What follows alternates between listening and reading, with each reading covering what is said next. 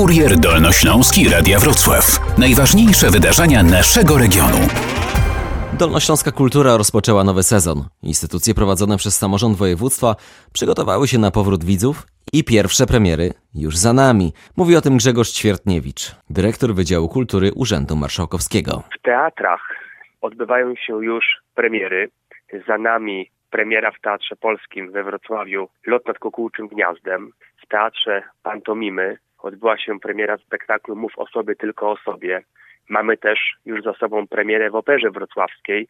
Tam wystawiona została Toska i tych spektakli w najbliższym czasie premierowych będzie coraz więcej. Klasyczne dzieło Giacomo Pucciniego w aranżacji Międzynarodowego Zespołu Opery zostało przedstawione bardzo współcześnie. W ten sposób zaprasza dyrektor Opery Wrocławskiej Halina Ołdakowska. To, czego ja bym bardzo chciała uniknąć, to takiego wizerunku opery i zakurzonych, y, pachnących naftaliną paruk. Ja chcę bardzo odejść od takiego stylu. To, co my Państwu przedstawiamy, to będziemy w stronę iść takiego filmowego pokazywania historii, bo opera to jest teatr. Lot nad kukułczym gniazdem w Teatrze Polskim we Wrocławiu. Ta premiera była wielkim wyzwaniem dla aktorów.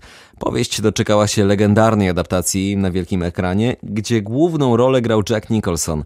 Piotr Łukaszczyk musiał więc wejść w buty wielkiego aktora. Na początku rzeczywiście była taka myśl, że nie będę się konfrontował z McMurphym, tylko będę się konfrontował z Nicholsonem, ale tak naprawdę od pierwszej próby te sceny szły za moją wrażliwością, a nie za tym, co było w filmie. Z kolei Teatr Modrzejewski rozpoczął wrześniową wędrówkę z plenerowym spektaklem Roberta Urbańskiego Skarb wdowy Schadenfreude. W ramach programu Teatr Polska Legnicki zespół odwiedzi dziewięć miejscowości w Polsce, a to nie pierwszy raz, gdy zespół Modrzejewskiej wędruje, tłumaczy Jacek Głąb, dyrektor Legnickiego Teatru. My jesteśmy weteranami projektu Teatr Polska. Kochamy ten projekt, kochamy wędrowanie. Naszą patronką jest Helena Modrzejewska, wybitna polska aktorka wędrująca, więc chcemy jakby jej dorównać. I najbardziej kochamy wędrowanie właśnie do małych, mniejszych miasteczek, które nie mają stałej sali teatralnej. Ale nie tylko w teatrach jest ruch, także muzea przygotowały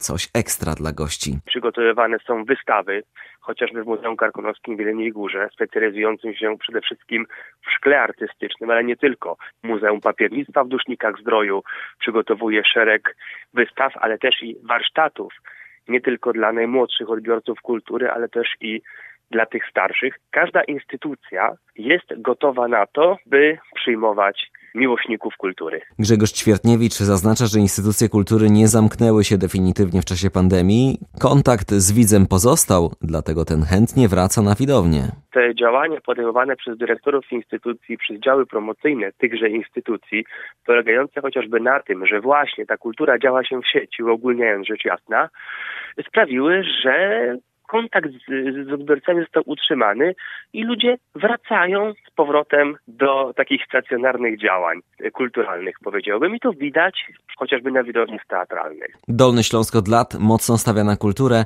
i pandemia tego nie zmieniła. Pandemia zrobiła swoje, no i budżety nie są z gumy, choć my jako samorząd nie zabraliśmy grosza z kultury. Wręcz przeciwnie, dołożyliśmy na inwestycje. Na Kurier Dolnośląski zaprasza samorząd województwa dolnośląskiego.